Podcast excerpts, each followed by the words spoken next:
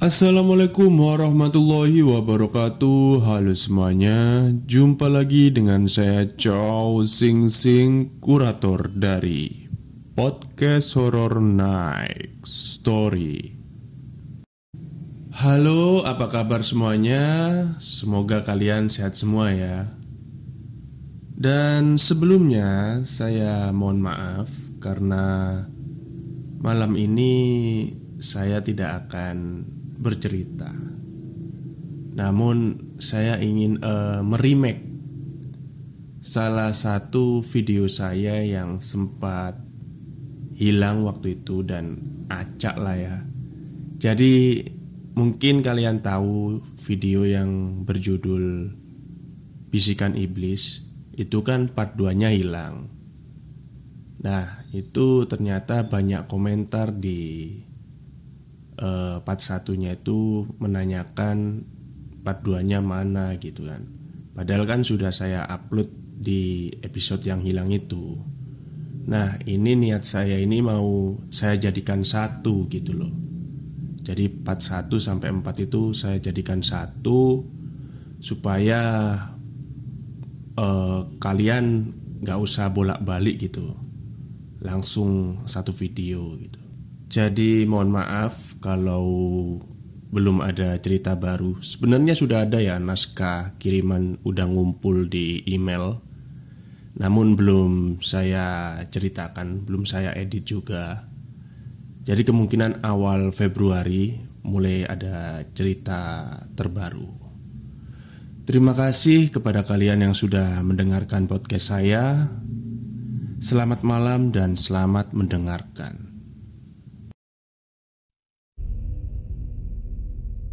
Assalamualaikum warahmatullahi wabarakatuh. Halo semuanya, jumpa lagi dengan saya Chow Sing Sing, kurator dari podcast Horror Night Story. Seperti biasa, malam ini saya akan membawakan sebuah cerita Dan ini cerita dari Mas Simple Man. Lebih tepatnya sih temannya ya, teman waktu SMP, temannya Mas Simple Man ini Oke, langsung saja kita ke ceritanya. Malam ini aku mau cerita sebuah cerita nyata yang pernah diceritakan oleh salah satu temanku waktu SMP. Sebuah cerita yang membuat bulu kuduku selalu merinding tiap mendengarkannya. Dan sebuah peristiwa yang lebih dari sebuah teror. Sebuah cerita yang akan membuat aku berpikir ulang dari apa arti sebuah kematian yang sebenarnya. Sebuah cerita tentang sebuah keluarga yang terikat dengan sebuah takdir yang akan membawa mereka dalam satu bencana yang disebut sirep tunyoto atau hidup namun mati. Di sini aku akan menceritakan semuanya dari sudut pandang Andi teman SMP aku yang pernah menjadi saksi peristiwa ini. Berlatarkan tahun awal 2000-an, cerita ini terjadi di sebuah kabupaten di Jawa Timur yang aku nggak bisa katakan di mana tempatnya. Dan di sinilah semuanya akan aku mulai. Di, iki omai sopo toh? Gede bener Di, ini rumahnya siapa? Kok besar sekali?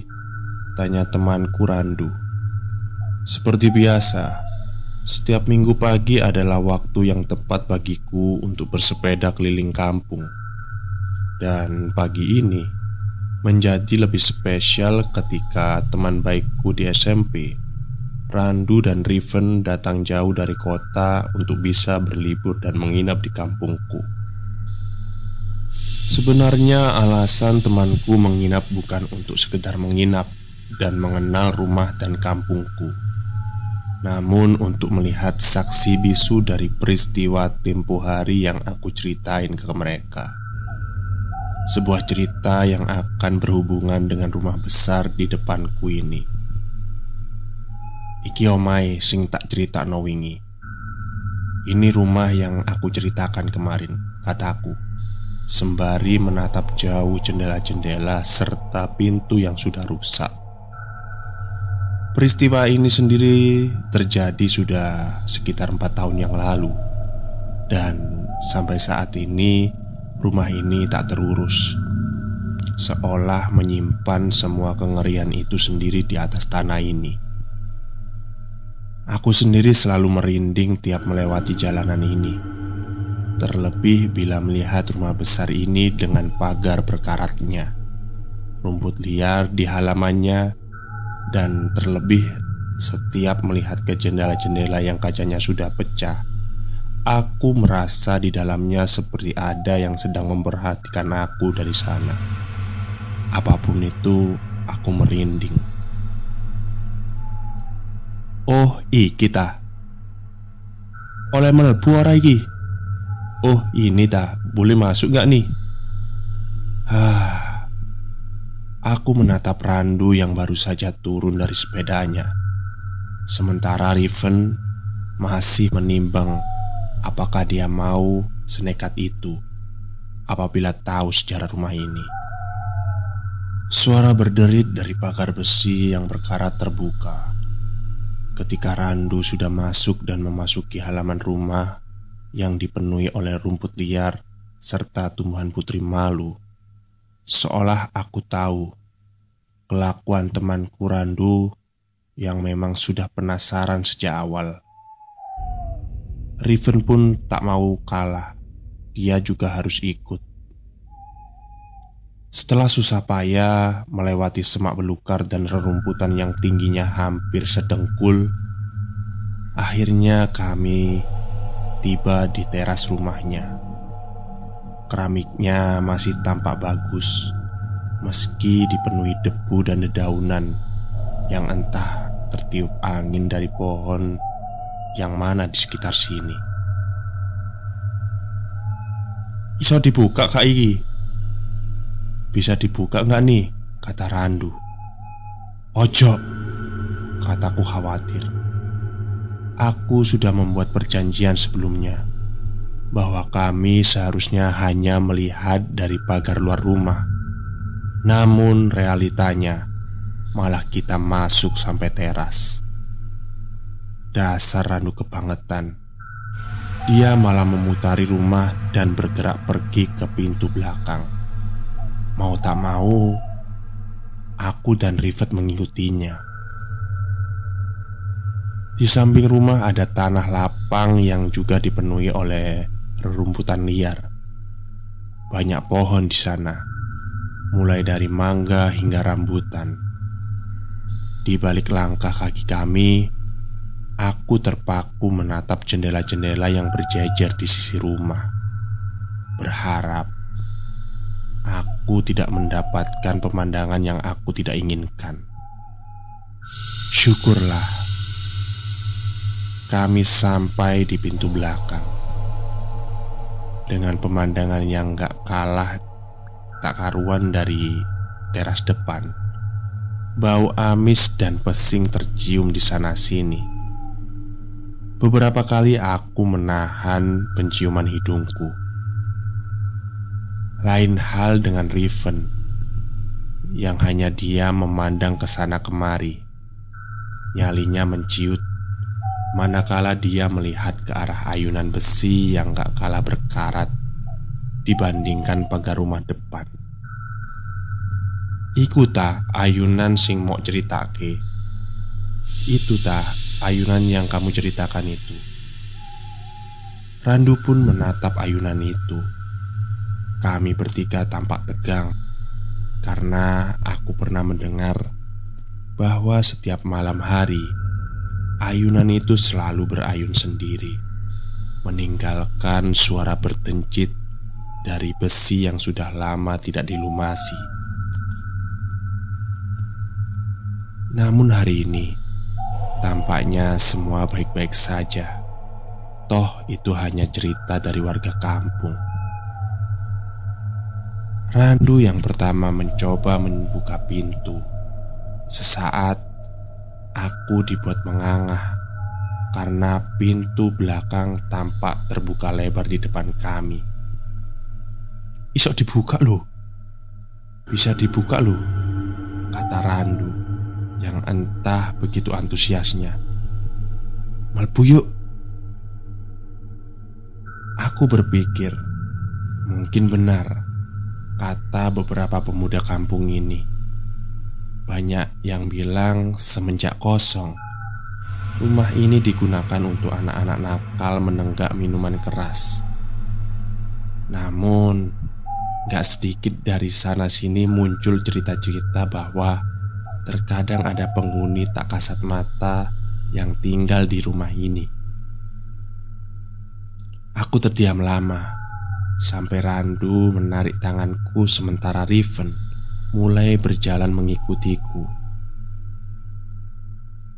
Dari rumah kebanyakan Mungkin karena sudah lama tidak berpenghuni Pikirku Hal pertama yang aku rasakan saat melihat bagian dalam rumah adalah dingin.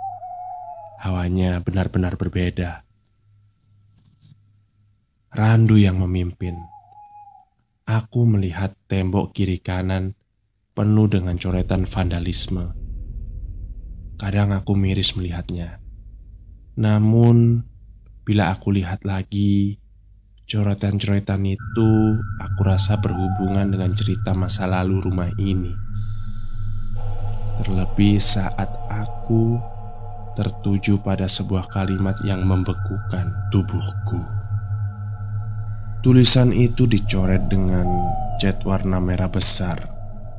Sebuah tulisan yang akan membuat siapa pun yang masuk tertuju membacanya. Keluarga iblis gelap, pesing, dan dingin. Semuanya begitu terasa, terlebih saat kita masuk lebih dalam lagi ke rumah itu. Ojo ado-ado rek.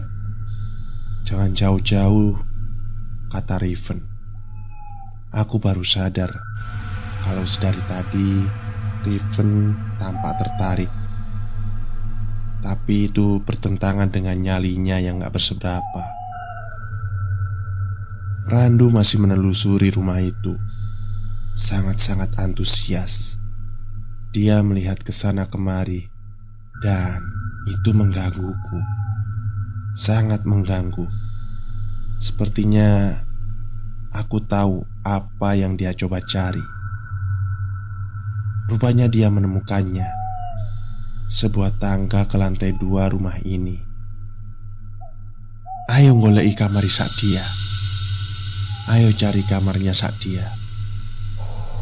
Aku merinding tiba-tiba ketika Randu menyebutkan nama itu. Seolah ada angin dingin berhembus di belakangku. Hus, ojo ngomong kaur kon. Hus, jangan ngomong sembarangan kamu, kataku menekan. Randu tampak paham ucapanku. Dia menyesal, namun tak seberapa lama dia kembali menjadi Randu yang super penasaran. Akhirnya kami naik ke lantai dua. Di lantai dua kondisinya tidak banyak berubah dari lantai satu. Perabotan rusak di sana sini, dan semakin banyak tulisan yang tidak mengenakan ketika dibaca. Randu masih menelusuri kamar per kamar, membuatku tahu dari mana saja pemandangan jendela ini tertuju ke arah luar. Ketika asyik melihat-lihat bagian kamar per kamar, aku berhenti di salah satu kamar, sebuah kamar yang gak asing di mataku Aku mendekati jendela dan langsung bisa melihat pemandangan dari luar. Ada sepeda kami bertiga terparkir di depan gerbang besi itu. Sontak, otakku memutar ulang semua pengalamanku selama ini.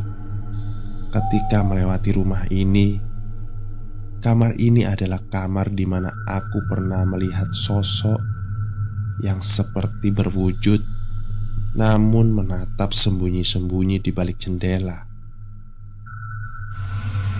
Seketika itu juga, leherku merasakan tidak enak. Suasananya lain dari kamar lain, dan ketika aku berbalik mau meninggalkan kamar ini, aku terkejut dengan kehadiran Riven yang menatapku tampak tenang. Iki kamar dia. Ini namanya Sadia Aku menatap Riven menyipitkan mata Seolah mendengar ucapan menduga-duga Namun membuatku seolah tertuju dengan ucapannya Kroso kak? Berasa nggak? Kata Riven Tangannya menyentuh dinding kamar Kroso apa? Aree cik kok kini loh. Anaknya masih di sini loh. Di tengah perbincanganku sama Riven, aku merasa perasaanku semakin gak nyaman. Pembahasan ini membuatku semakin takut dan merinding. Yang membuat aku lebih takut adalah bagaimana Orang yang bahkan gak tahu seluk-beluk tempat ini Justru seakan-akan lebih tahu dari aku yang tinggal di lingkungan ini. Lamunanku buyar. Waktu aku mendengar suara langkah kaki berlari sangat keras Dan diikuti suara randu berteriak. Sontak aku ikut lari dan mencari tahu apa yang terjadi. Bertemulah aku dengan Randu yang tengah menuruni anak tangga Berlari dengan wajah panik sekali. Lapo ta? Kenapa? Wis, ayo metu sik. Gak aman tempat ini. Sudah, ayo keluar lagi. Tempat ini sudah gak aman. Kami berdua berlari. Keluar dari pintu belakang Menyusuri rumput liar di halaman rumah. Dan akhirnya sampailah di depan pagar. Di sana aku terdiam saat melihat Riven sudah berdiri menunggu di atas sepedanya. Asu, ngosok aku ditinggal ijen neng kini. Anjing, masa aku ditinggal sendirian di sini?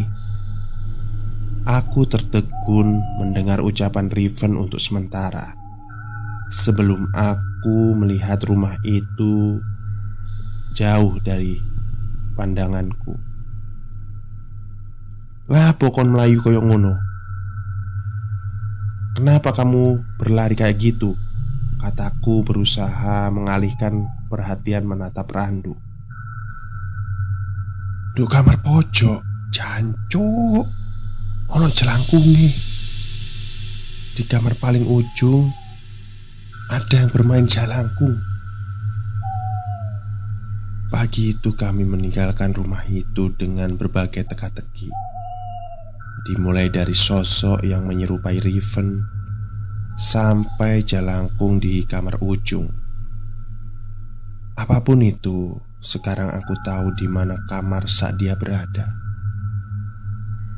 Gadis yang mengakhiri hidupnya dengan gantung diri karena tidak sanggup lagi menanggung beban dari perjanjian keluarganya dengan iblis yang kabarnya masih ada di atas tanah ini. Mulai dari sini kita masuk ke peristiwa empat tahun yang lalu di mana semua ini bermula. Dia meninggal. Nama itu tidak akan pernah dilupakan di kampung ini bukan karena dia seorang yang berprestasi, melainkan karena kematiannya yang dianggap ganjil oleh warga. Bahkan kematiannya sendiri masih dianggap menyisakan misteri hingga kini. Lahir di keluarga yang sederhana membuat dia dikenal sebagai gadis ayu kembang desa yang selalu mendapatkan pujian di sana-sini. Namun, malam itu, ketika bulan tak menampakkan diri, ketika suara serangga malam tak berbunyi, terlihat dari jauh siluet seseorang dari bawah rumah gedong yang disebut warga sebagai rumah terbesar di kampung ini yang entah bagaimana keluarga dia yang awalnya bukanlah keluarga kaya raya disulap hanya dalam beberapa bulan menjadi keluarga terkaya dan termasyur di desaku. Meski menyimpan tanda tanya besar, namun semua warga tahu ada yang ganjil dari keluarga ini kita lupakan sejenak keluarga ini. Di depan rumah, Pak Mitulah yang pertama melihat siluet bayangan di kamar atas. Tampak sedang melayang, berayun pelan namun tetap terlihat jelas.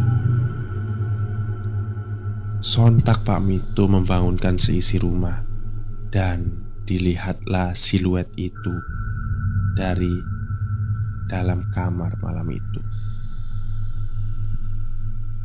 Malam itu adalah malam di mana tubuh dia atau gadis yang kerap dipanggil dengan nama Sakdia tergantung dengan kepala dijerat tali tambang.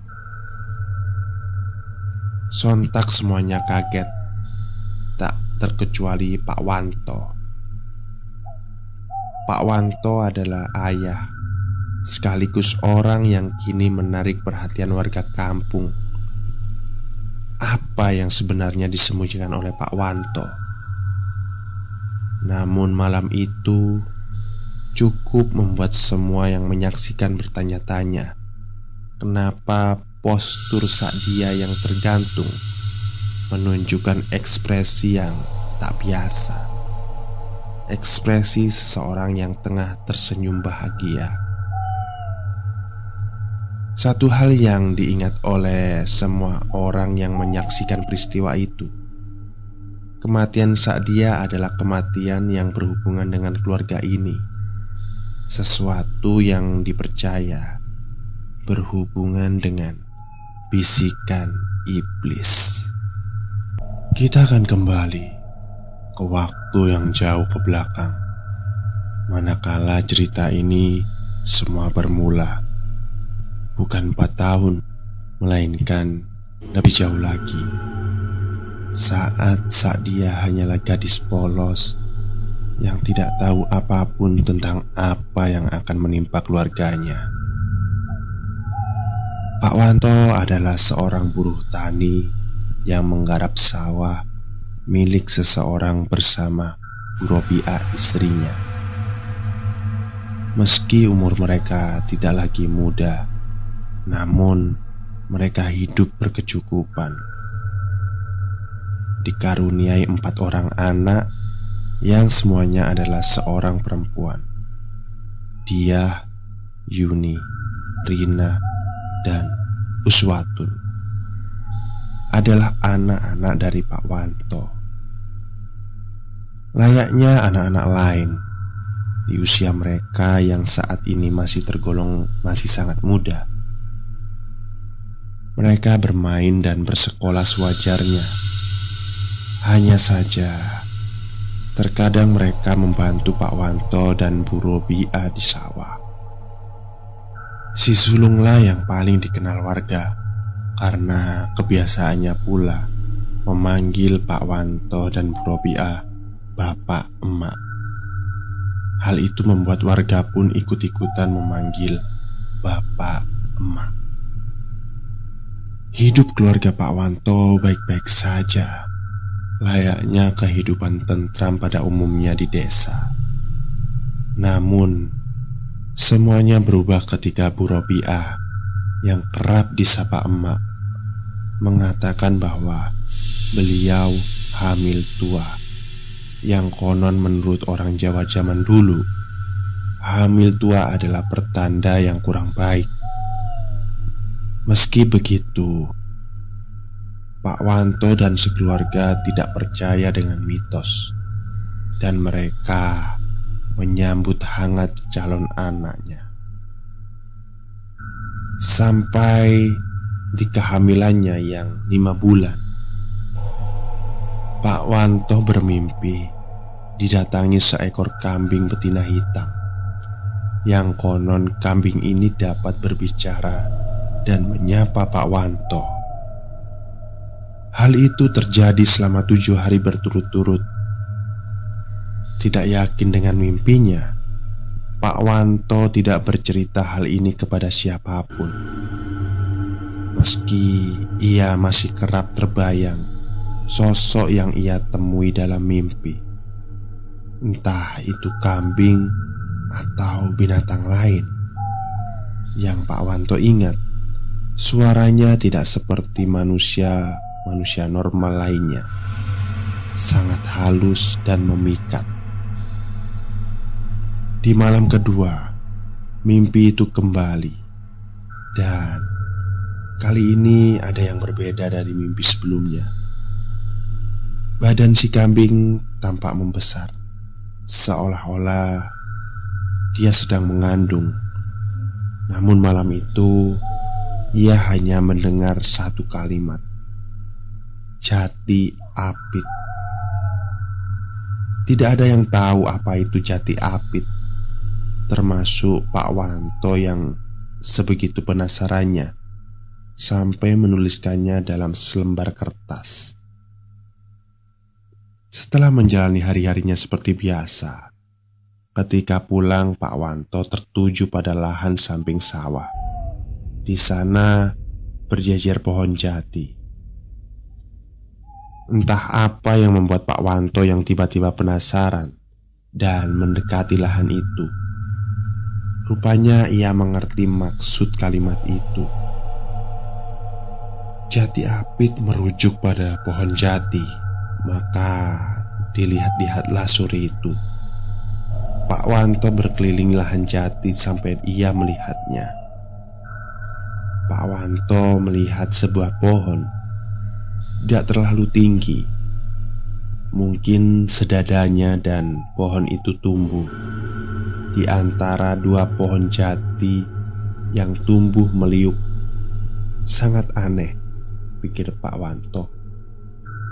Pohon jati tumbuh tidak meliuk seperti itu pohon jati harusnya tumbuh lurus ke atas. Bergegaslah Pak Wanto. Manakala ia mendekati pohon itu, tercium aroma bau kambing yang sengak. Maka Pak Wanto mengelilingi pohon kecil itu dan di dalamnya Pak Wanto menemukan sesuatu kecil berlendir dan menggeliat. Rupanya ada seseekor anak kambing di dalam rimbunan pohon itu. Petang itu, Pak Wanto kembali pulang dengan menggendong anak kambing misterius itu. Pak Wanto tidak tahu apa yang sedang dia lakukan. Sesampainya di rumah, Bu Robi Allah yang pertama kali curiga Melihat Pak Wanto menggendong sesuatu membuat beliau penasaran. Rupanya benar, Pak Wanto membuat sesuatu, membawa sesuatu yang ganjil. Apa itu, Pak? Tanya Bu Robiah. Anak kambing, Bu, ucap Pak Wanto. Anak kambingnya siapa toh, Pak? Tidak tahu menemu aku menemukannya di pohon jati tadi. Loh, kok dibawa pulang? Kalau yang punya nyari gimana? Biarin. Kalau ada yang nyari nanti tak kasihkan. Kasihan soalnya masih anakan. Oh gitu tak. Ya sudah terserah bapak. Hari itu juga Pak Wanto membuatkan kandang kecil. Malam itu kabarnya ada sesuatu yang terjadi. Bu Robi Allah yang pertama tahu ketika Pak Wanto tengah tidur, Bu Robiah mendengar suara seseorang tengah tertawa. Suaranya menyerupai anaknya yang paling bungsu, Uswatun. Tun, awakmu taiku. Meski hamil tua, Bu Robiah masih kuat untuk bangun dari ranjangnya. Ia berjalan menuju ruang tamu, namun ia tak melihat siapa pun di sana. Ketika Bu Robiah akan kembali ke kamar, suara itu terdengar kembali. Namun, suaranya terdengar dari luar rumah. Tanpa curiga, Bu Robiah membuka pintu mencari di mana sumber suara yang menyerupai suara anak bungsunya itu. Suaranya berhenti di kandang belakang rumah. Bu Robiah segera mendekatinya namun bukan Uswatun yang ia lihat Melainkan siluet hitam bayangan seseorang anak kecil Tengah meringkuk di pojokan kandang Kaget bercampur takut Bu Robiah bertanya Siapa gerangan yang ada di sana Namun Sosok itu hanya diam di pojokan Tiba-tiba sosok itu mulai bergerak Menggeliat layaknya binatang yang tengah terbangun dari tidurnya Ia melihat Bu Robiah dengan mata merah menyala Lalu merangkak cepat sekali menuju Bu Robiah yang shock dan siap berteriak. Keesokan paginya, Bu Robiah terbangun dengan wajah yang pucat. Entah mimpi atau bukan. Bu Robiah menceritakan hal ini kepada Mbok Sartem, tetangga sekaligus wanita tua yang senantiasa dimintai tolong bila ada yang aneh. Dengan wajah tegang, Mbok Sartem bertanya Cempe Kawan aku Kok di cempe niku Bu Robiah pun mengajak Mbok Sartem ke kandang belakang rumah Anehnya tidak ada apa pun di sana Cempe yang kemarin lenyap begitu saja Matang tua terus cempe Firasatku elek kata Mbok Sartem. Beliau menunggu Pak Wanto dari sawah. Tepat ketika Pak Wanto sudah tiba, Mbok Sartem langsung bertanya, "Cerita no yo ya opo kok iso awakmu nemu cempe?" Pak Wanto tidak paham apa yang terjadi Namun ia tahu Mbok Sartem mungkin diberitahu oleh Bu Robiah maka Pak Wanto pun bercerita Namun ia tidak menceritakan mimpinya Ia hanya bercerita bahwa ia menemukan cempe saja. Diberitahulah bahwa cempe itu hilang Dan itu membuat Pak Wanto kebingungan. Maka jam berganti menjadi hari Hari berganti menjadi bulan dan Pak Wanto masih tidak tahu apa yang tengah mengintai keluarganya. Sampai tibalah masa persalinan Ibu Robiah yang dibantu oleh Mbok Sartem dan Safi. Safi adalah dukun beranak di kampung itu. Ada hal yang Safi ceritakan sebelum dia masuk ke rumah Pak Wanto. Di sepanjang jalan, ia mendengar suara kambing mengembik. Anehnya, dia tidak melihat satu ekor pun kambing. Hal itu membuat Safi merinding. Singkat cerita, Safi sudah mempersiapkan semua untuk lahiran anak kelima Pak Wanto. Dibantu oleh Mbok Sartem. Bu Robiah sudah terbaring Tepat ketika baju Bu Robiah diangkat oleh Mbak Safi Maka saat itulah Mbak Safi tidak bisa bicara banyak Perut Bu Robiah menghitam sangat hitam dan itu ganjil. Bahkan menurut Safi, ini kali pertama ia melihat hal seperti ini. Namun, bukan pertama kalinya ia mendengar hal ini. Dulu Safi pernah diceritakan oleh buyutnya. Salah satu hal mengerikan yang terjadi adalah ketika melihat wungku ireng. Apa itu wungku ireng? Wungku ireng adalah perut yang konon disetubuhi oleh jin yang sudah bukan jin lagi, melainkan iblis jahanam yang menyusupkan anaknya di roh bayi yang akan lahir. Tidak hanya Safi, Mbok Sartem juga bisa melihatnya. Mereka menatap Bu Robiah dalam diam. Namun tangan dan badan mereka bergemetar. Sebegitu hebatnya sampai wajah mereka berdua pucat pasi. Ini bukan pertanda buruk, melainkan petaka dari petaka yang paling ditakuti manusia. Mereka tahu apa yang akan terjadi selanjutnya, namun mereka tidak bisa menebak apa yang sedang dan akan menimpa mereka. Dosa apa yang diperbuat oleh keluarga Pak Wanto? Pak Wanto menunggu dengan cemas. Ia berharap akan mendapatkan seorang anak lelaki. Sudah empat anak yang ia miliki, namun tidak satu pun dari mereka mendapatkan seseorang anak lelaki. Jadi, salahkah bila Pak Wanto berharap kali ini anaknya adalah lelaki?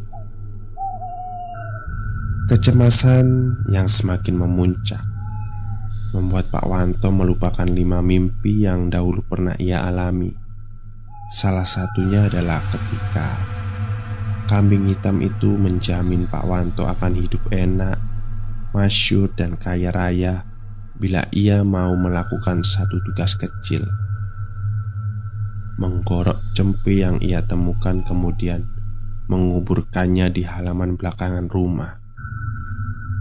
Anehnya, Pak Wanto tidak punya kuasa untuk menolak, dan ia melakukannya tanpa bertanya akibat perbuatannya.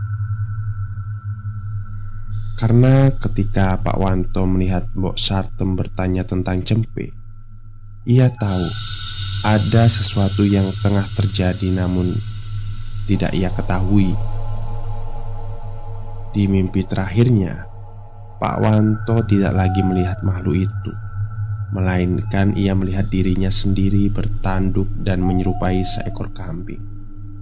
Di tengah kegelisahannya, lamunan Pak Wanto buyar, manakala ketika ia terperanjat saat mendengar suara kambing mengembik sangat keras sampai seisi rumah yang dipenuhi tetangga penasaran dengan kelahiran anak kelima Pak Wanto berkerumun.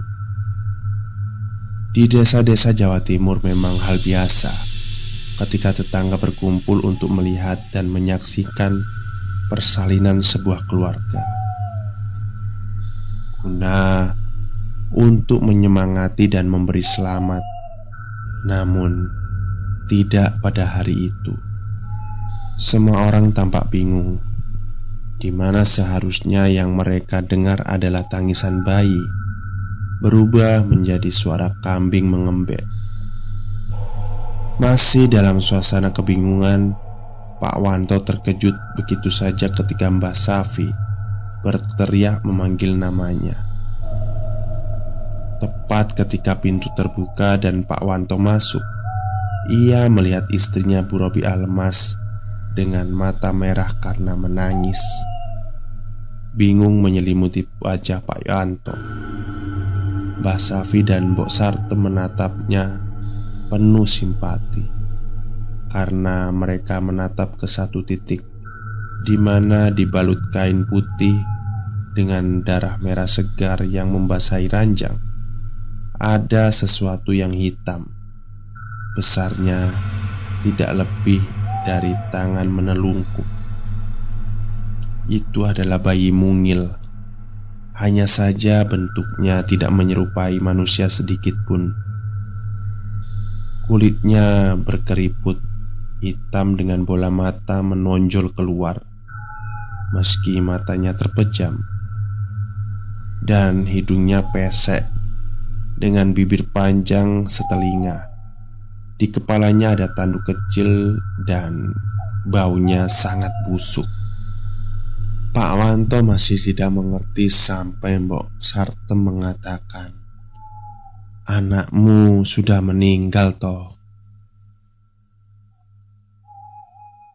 Saat dia memilih mengaji manakala tiga adiknya sedang bermain jublak-jublak suang Yang memang permainan kesukaan adik-adiknya. Ia bisa mendengar suara riang dan tawa mereka dari teras rumah ketika memainkan itu. Di tengah ia membaca rentetan huruf Arab di depannya Tiba-tiba perasaan saat dia mendadak menjadi tidak enak. Dan saat itu juga ia tidak lagi mendengar suara adik-adiknya.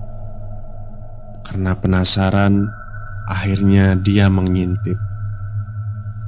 Kamar Sadia berada tepat di samping teras Sehingga ia hanya perlu berjinjit untuk bisa melihat apa yang menyebabkan adik-adiknya berhenti bermain. Rupanya, ketiga adiknya masih di sana, berdiri memutar, namun anehnya mereka hanya diam, seolah-olah bagai patung tak bergerak. Bingung, akhirnya saat dia keluar untuk melihat apa yang sebenarnya terjadi. Dek, lapo kok meneng-menengan? Dik, kalian nyapain kok diam-diaman? Bukan jawaban yang ia dapat Melainkan kesunyian yang menghantam saat dia di mana hari itu mulai petang. Saat dia hanya ingat saat itu tidak ada siapa pun yang bisa ia rasakan. Semuanya seolah-olah sepakat untuk diam. Bahkan angin pun tidak berhembus. Mendekatlah saat dia ke arah adik-adiknya. Namun Belum beberapa meter Saat dia dibuat diam Tercengang. Manakala Ia melihat sosok jauh. Siluet hitam yang rupanya sedari tadi Memperhatikan saat dia Hanya mengandalkan cahaya rembulan. Saat dia melihat siluet hitam itu tidak lebih tinggi dari saat dia.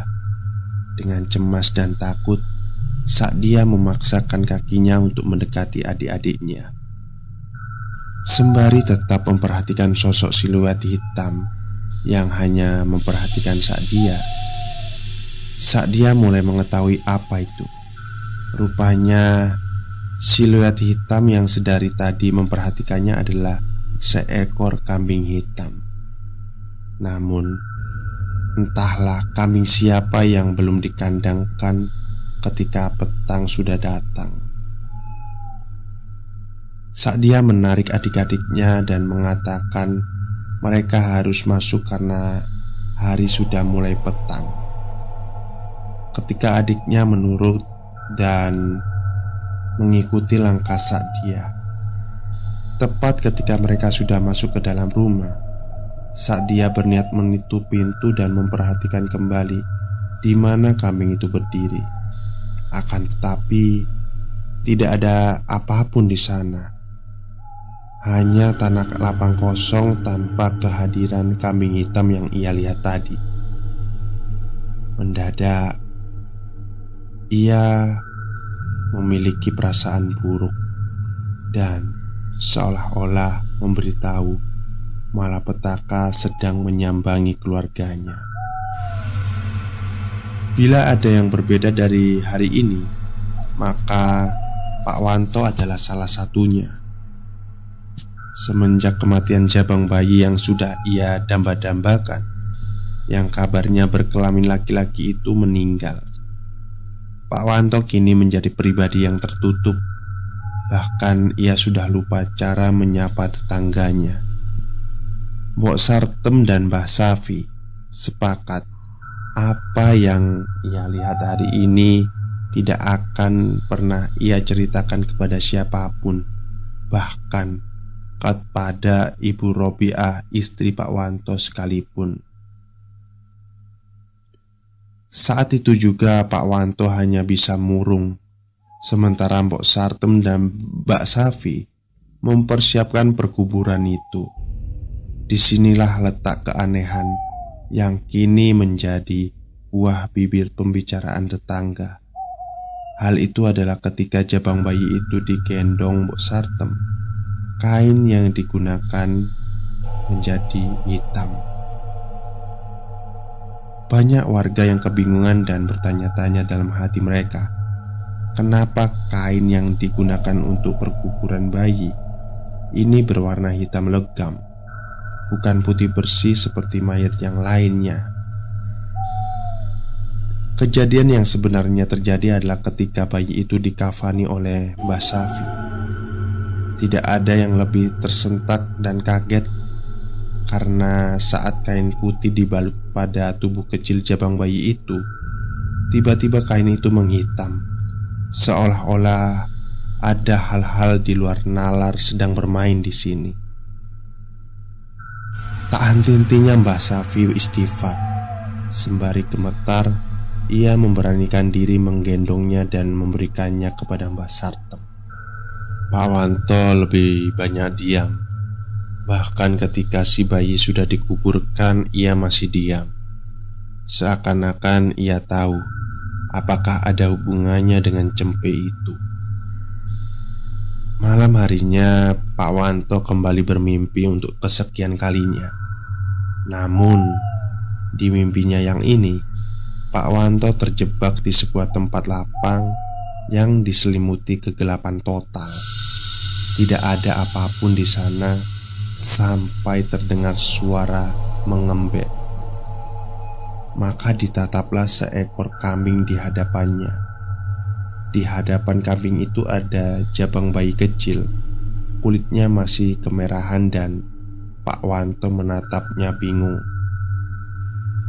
"Iki anakmu," kata kambing itu. Dengan perasaan gugup, Pak Wanto mengangkat tubuh kecil itu. Suara tangis mengoek dari jabang bayi itu dan membuat Pak Wanto luluh. Lalu, perlahan, jabang bayi kecil itu mulai berubah. Kulitnya yang kemerahan menjadi hitam dengan bola mata menggelembung. Bibirnya yang kecil mungil membengkak sampai mewujudkan dirinya mirip dengan cempe yang ia gorok tempo hari. Kak, kak, iki duduk anakku. Woi menungso, opo awakmu roh sopo sing raib no anakmu? Pak Wanto bingung. Kambing itu terus berbicara dengan suara menggelegar. Antenono meni, yen meni ono sing mati yo iku tuntut balasku gawe anakmu. Keesokan paginya Pak Wanto bekerja seperti biasanya Meski hari-harinya jauh lebih kelabu dibandingkan hari kemarin ketika Pak Wanto sedang membabat rumput di lahan yang ia garap. Terdengar seseorang mendekatinya sembari berujar dengan nada tergopoh-gopoh. Pak, Pak Wanto, Nuwun Sewu, sudah dengar? Dengar apa? Bok Sartem tetangga sampean baru saja meninggal. Kaget. Pak Wanto teringat dengan kambing di dalam mimpinya. Hingga Pak Wanto berujar Karma. Desas-desus tersebar. Kabarnya Meninggalnya Mbok Sartem ini ganjil Selain itu mayatnya juga tidak kalah membuat orang geleng-geleng kepala Salah satunya Mbok Sarte meninggal dengan bau seperti kambing lepus. Tidak hanya itu sebelum meninggal Mbok Sartem kabarnya berteriak-teriak Memaki dan mengutuk Seolah-olah dia sedang berbicara dengan sesuatu di akhir kalimatnya ada satu kalimat yang diucapkan secara terus-menerus, yaitu "iblis". Namun, yang paling mengerikan, Mbok Sartem meninggal dengan cara memuntahkan darah dan warnanya hitam kemerahan menyerupai janin. Banyak orang yang mulai menyebarkan rumor, mulai dari santet hingga sangkut paut dari perbuatan demit atau setan. Namun, Mbah Syafilah yang tahu apa yang terjadi. Hari itu juga di pemakaman Mbok Sartem Mbah Safi tampak sedang mencari seseorang Namun ia tak kunjung ditemukan di sana Sampai di sudut matanya Akhirnya ia melihatnya Pak Wanto Berdiri jauh dari kuburan Mbok Sartem yang baru saja dikuburkan Mengamatinya dengan bibir tersungging sebuah senyuman yang tidak sepantasnya terlihat dari seorang tetangga. Sudah lebih dari lima hari Pak Wanto tidak pulang. Kalaupun pulang, hanya untuk mengganti baju kemudian keluar lagi. Meskipun Pak Wanto masih memberi nafkah berupa uang dan cukup banyak, namun Bu Robiah bingung dari mana uang itu bila Pak Wanto sudah tidak lagi bekerja menggarap sawah. Tidak hanya Bu Robiah, namun tetangga di kanan kiri juga bingung. Pernah mereka tanpa sengaja melihat Pak Wanto berjalan. Anehnya, ketika disapa, Pak Wanto seperti tidak mendengar dan melanjutkan perjalanannya, seolah-olah ia sengaja tidak menggubris niat baik tetangganya. Puncak keanehan yang disaksikan warga adalah ketika Pak Wanto selalu berjalan dengan pose menggendong anak kecil, seolah-olah di tangannya ia sedang menggendong entah apa itu. Warga mulai curiga Pak Wanto menjadi gila. Meski begitu, tidak ada yang berani menegur ataupun sekedar bertanya apa yang terjadi pada Pak Wanto. Karena bagaimanapun juga Pak Wanto pernah menjadi seseorang yang dihormati dan dituakan di kampung ini Saat dia pernah melihat Suatu malam ketika ia berniat untuk tidur Namun pikiran-pikirannya masih memaksanya untuk terjaga Tiba-tiba ia dibangunkan oleh suara pintu berderit dengan cepat saat dia berpura-pura untuk tidur. Di situlah ia melihat Pak Wanto. Bapaknya masuk dan berjalan melewatinya. Ia membangunkan salah satu adiknya, Uswatun, dengan nada suara berbisik, seolah-olah si bapak tidak mau anak-anaknya yang lain dengar. Tun, tangi nak, Melu bapak yuk dilu ay Di dalam keremangan kamar Saat dia melihat gelagat yang aneh dari si bapak Seumur-umur ini adalah kali pertama Bapak membangunkan anaknya di jam yang sudah selarut ini Uswatun bangun Meski ia masih mengantuk Tanpa membuang waktu dari bayangan di gubuk saat dia melihat si bapak mengangkat uswatun dan pergi meninggalkan kamar tanpa lupa menutup pintu kembali. Saat dia terbangun, mengintip dari jendela kamarnya, ia melihat si bapak pergi. Keesokan paginya, saat dia bangun dan hal pertama yang ia lakukan adalah mencari uswatun yang rupanya sedang ada di pawon. Dia tampak lahap memakan seiris daging. Mereka saling menatap satu sama lain sebelum saat dia mendekatinya. Mambengi awakmu nang ditun. Uswatun tampak bingung. Ekspresinya menunjukkan ekspresi ketidaktahuan apa pun. Neng di mbak Atun tak ke mana-mana Aneh Namun saat dia yakin Ia melihat dengan mata kepala sendiri Dan bagaimana bisa Atun mengatakan hal sebaliknya Meski penasaran Namun saat dia tidak bisa mendapatkan jawaban apa pun dari Uswatun Sekeras apa pun Ia memaksanya berbicara Karena Atun hanya mengatakan ia tidak ke mana-mana. Si bapak sendiri masih jarang pulang. Sekalipun pulang, paling hanya untuk mengganti bajunya saja. Di malam yang entah keberapa, di mana saat dia kembali memergoki si bapak membawa Uswatun pergi, saat dia nekat untuk mengikuti Meski diliputi perasaan was-was dan ketakutan yang menjadi saat dia berjalan jauh di belakang, mereka menuju sebuah jalan yang saat dia tahu itu adalah kebun jati. Apa yang dilakukan bapak dan Uswatun di tengah malam seperti ini? Terlebih di sebuah kebun jati yang saat dia tahu adalah salah satu tempat yang jarang ditatangi oleh siapa pun.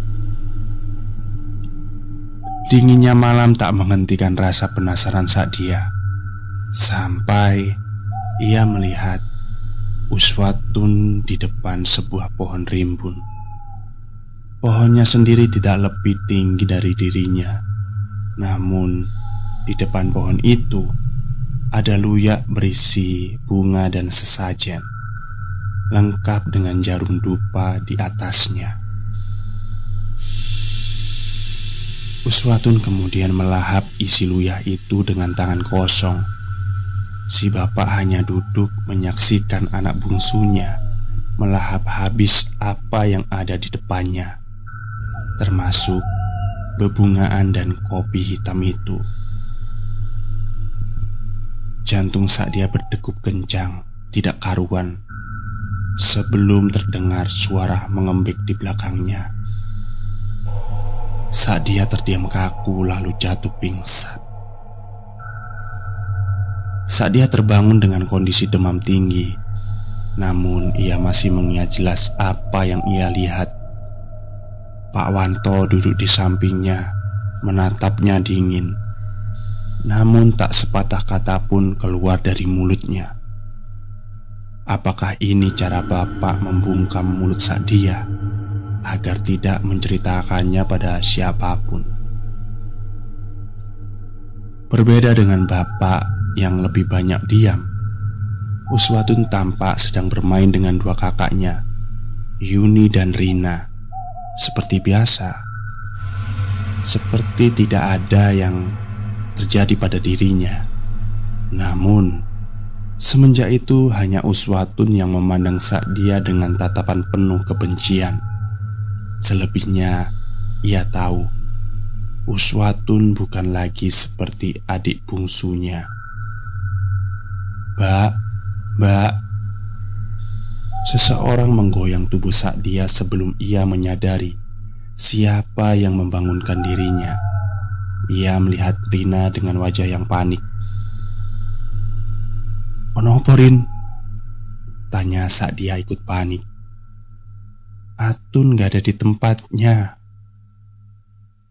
Saat dia melirik tempat di mana Atun biasanya tidur Kosong. Saat dia sempat terdiam beberapa saat Karena entah bagaimana menjelaskan kepada Rina Dia tahu di mana Atun berada. Masalahnya Sejak kejadian itu, dia tahu dirinya seperti selalu diawasi, entah oleh siapa. Namun, perasaan itu membuatnya terus khawatir. Dengan berusaha tetap tenang meski ketakutan meliputi perasaan Sadia, ia beranjak dari tempat tidurnya melangkah keluar kamar. Ia hanya mengatakan mungkin Atun ada di kamar orang tuanya Karena ini bukan kali pertama si bungsu pergi dan berpindah kamar ke kamar orang tuanya. Saat dia menutup pintu kamarnya yang terbuat dari triplek tipis Karena memang keluarganya bukanlah keluarga yang berkelimang harta. Sempat ragu Namun Saat dia membulatkan tekad sebelum ia mendengar suara Atun Ia sedang mendendangkan sebuah nada permainan kesukaannya. Jublek-jublek suweng. Suaranya terdengar dari halaman belakang rumah. Saat dia berjalan mendekatinya Ia yakin itu adalah suara Atun. Tetapi Atun tidak sendirian. Ia mendengar ada dua atau tiga suara lain sedang menyanyikan lagu yang sama. Yang jadi pertanyaan adalah, untuk apa Atun bermain jublek-jublek suang di tengah malam seperti ini? Saat dia berusaha mengintip dan saat dia mendekati gubuk rumahnya yang terbuat dari bambu Di sela-sela lubang itu ia mendekatkan wajahnya Melihat dengan seksama namun Tepat ketika saat dia melihat figur Atun Yang tengah duduk bersila Nyanyian mereka berhenti Berganti dengan kesunyian Kesunyian itu membuat suasana saat itu begitu mencekam. Seolah-olah mereka tahu seseorang sedang mengamatinya. Di tengah pikirannya tentang mereka, saat dia melihat Atun, kepalanya menoleh tepat di mana saat dia berdiri menatapnya. Saat dia rasanya seperti kaget Jantung saat dia rasanya seperti mau copot Belum berhenti sempat di sana. Saat dia seperti ingin lari saja dan kembali di atas ranjangnya. Namun Semua ini membuat saat dia penasaran. Berbuat nekat saat dia mengintip kembali adiknya itu. Namun yang ia dapat Tepat di lubang itu mata mereka saling bertemu. Atun tahu saat dia melihatnya Mbak, kata Atun. Ia memanggil nama Sadia. Ayo main. Karena seperti tertangkap basah Maka saat dia melangkah keluar Membuka pintu belakang rumahnya Dan Dilihatnya Atun Mengamatinya dengan senyuman ganjil yang menakutkan. Saat mengikuti langkah Atun Penasaran dengan suara siapa saja yang ia dengar tadi Saat dia dibuat dia mematung Manakala ia melihat di hadapannya Ada Rina dan Yuni Duduk bersila seolah menunggu dia Bila Rina dan Yuni ada di sini bersama Atun, lalu siapa yang ada di kamar?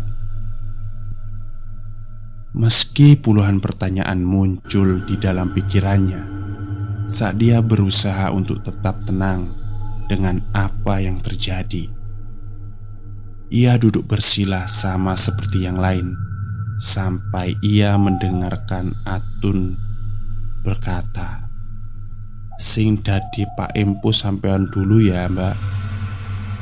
Awalnya ragu Namun saat dia mengiyakan permintaan Atun Ia tahu akhir-akhir ini hubungan mereka seperti berjarak Dan saat dia tidak tahu apa alasannya Jadi Bila menjadi Pak Empu bisa membuat Atun dekat lagi dengan dia, maka saat dia akan melakukannya. Apa semua tahu apa itu Pak Empo dalam permainan jublek-jublek suweng? Pak Empo akan menjadi penebak dalam permainan ini Karena sejatinya Permainan ini adalah permainan untuk mencari batu yang akan disembunyikan di salah satu telapak pemain lainnya. Masalahnya, Pak Empo haruslah diwajibkan untuk berbaring telungkup, sementara pemain lainnya mulai menyanyikan lagunya, sekaligus membuat batu itu agar Pak Empo tidak tahu di mana batu itu berada. Maka saat dia mulai berbaring telungkup menghadap lantai Sementara tiga saudaranya mulai bernyanyi Anehnya Ketika saat dia bertelungkup Ia merasa ada empat pemain di antara mereka Meski begitu Saat dia lebih takut tentang suara lain yang ia dengar Suara yang tidak pernah ia kenal Sampai akhirnya ia mencium aromanya. Aroma kambing itu kembali di antara mereka ketika sampai di lirik Sopong guyun kaki Maka saat dia mulai membuka matanya Menatap ketiga adiknya tanpa tahu di mana ia merasakan pemain keempat itu berada. Semua wajah adiknya mengisyaratkan ekspresi yang sama. Pucat dan begitu datar. Tidak seperti adik-adiknya selama ini. Kemudian saat dia menunjuk Atun Ia memilih tangan kirinya Maka Atun membuka tangannya Dan Batu kerikil itu tidak ada di sana Sekarang ia menunjuk Rina Rina juga sama di atas telapak kanannya. Batu itu tidak ditemukan. Maka saat dia harus kembali menjadi Pak Empo. Hal ini terus terjadi lebih dari tujuh kali. Dan ketika saat dia mulai terpelungkup lagi Terdengar suara tertawa yang membuat saat dia tidak nyaman. Seolah-olah ketiga adiknya ini sedang mengerjainya. Mungkin saja batu itu memang tidak pernah ada bahkan sejak permainan dimulai. Saat dia menunggu ketiga adiknya mulai menyanyikan liriknya Namun mereka tak kunjung menyanyikannya Saat dia bingung Akhirnya ia membuka matanya Namun ia ingat Ia adalah Pak Empu dan tidak diizinkan baginya untuk membuka mata sampai nyanyian disenandungkan. Saat itu, bisikan itu terdengar. Mati. Suaranya begitu dingin dan menusuk. Ia tahu itu bukan suara adiknya. Apakah itu suara pemain keempat yang sedari tadi ia rasakan? Angin dingin tiba-tiba berhembus saat dia terjebak dalam keheningan yang membuat ketakutan memenuhi isi kepalanya. Di tengah saat dia menunggu, terdengar suara familiar yang membuat saat dia tersentak. Lapo koneng gini? Saat dia melihat ibu Robiah menatapnya dengan tatapan tajam. Tidak hanya Bu Robiah yang membuat saat dia kaget. Rupanya ketiga adiknya tidak ada di sana. Jadi, sedari tadi berarti saat dia hanya sendirian di sini. Meski amarah Abu Robiah meluap-luap, saat dia hanya diam, tak terfikirkan untuknya menceritakan semuanya. Dan ketika saat dia masuk ke kamar, ia melihat ketiga adiknya tertidur lelap termasuk Atun yang sedari tadi nampaknya tidak pernah terbangun dari ranjangnya. Hanya saja aroma kambing itu belum juga hilang dari penciuman hidungnya. Sejak malam itu banyak kejadian yang terjadi dan rumah Sakdia suasananya sudah sangat berbeda. Namun ada satu hal yang Sakdia ingat, entah sejak kapan rumahnya jadi sering dilewati oleh seseorang yang dia kenal. Mbah Safi, dukun beranak itu. Kadangkala dia melewati rumahnya seperti sedang mengawasi tidak hanya itu, Atun adik bungsunya juga mulai aneh. Dia sering kali menjauhkan diri dari ketiga kakaknya. Tidak mau makan sampai sering terlihat menyendiri.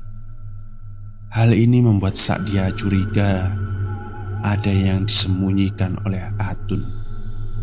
Puncaknya adalah saat Atun muntah di kamar.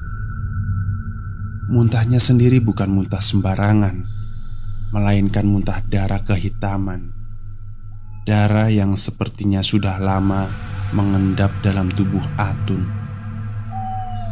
Ibu Robia yang paling khawatir, namun Pak Wanto tampak tidak peduli. Beliau masih sering pergi entah ke mana dia berada. Sampai akhirnya Perlahan-lahan penyakit misterius yang menyerang Atun berujung pada nyawanya. Ini terjadi tepat di malam hari.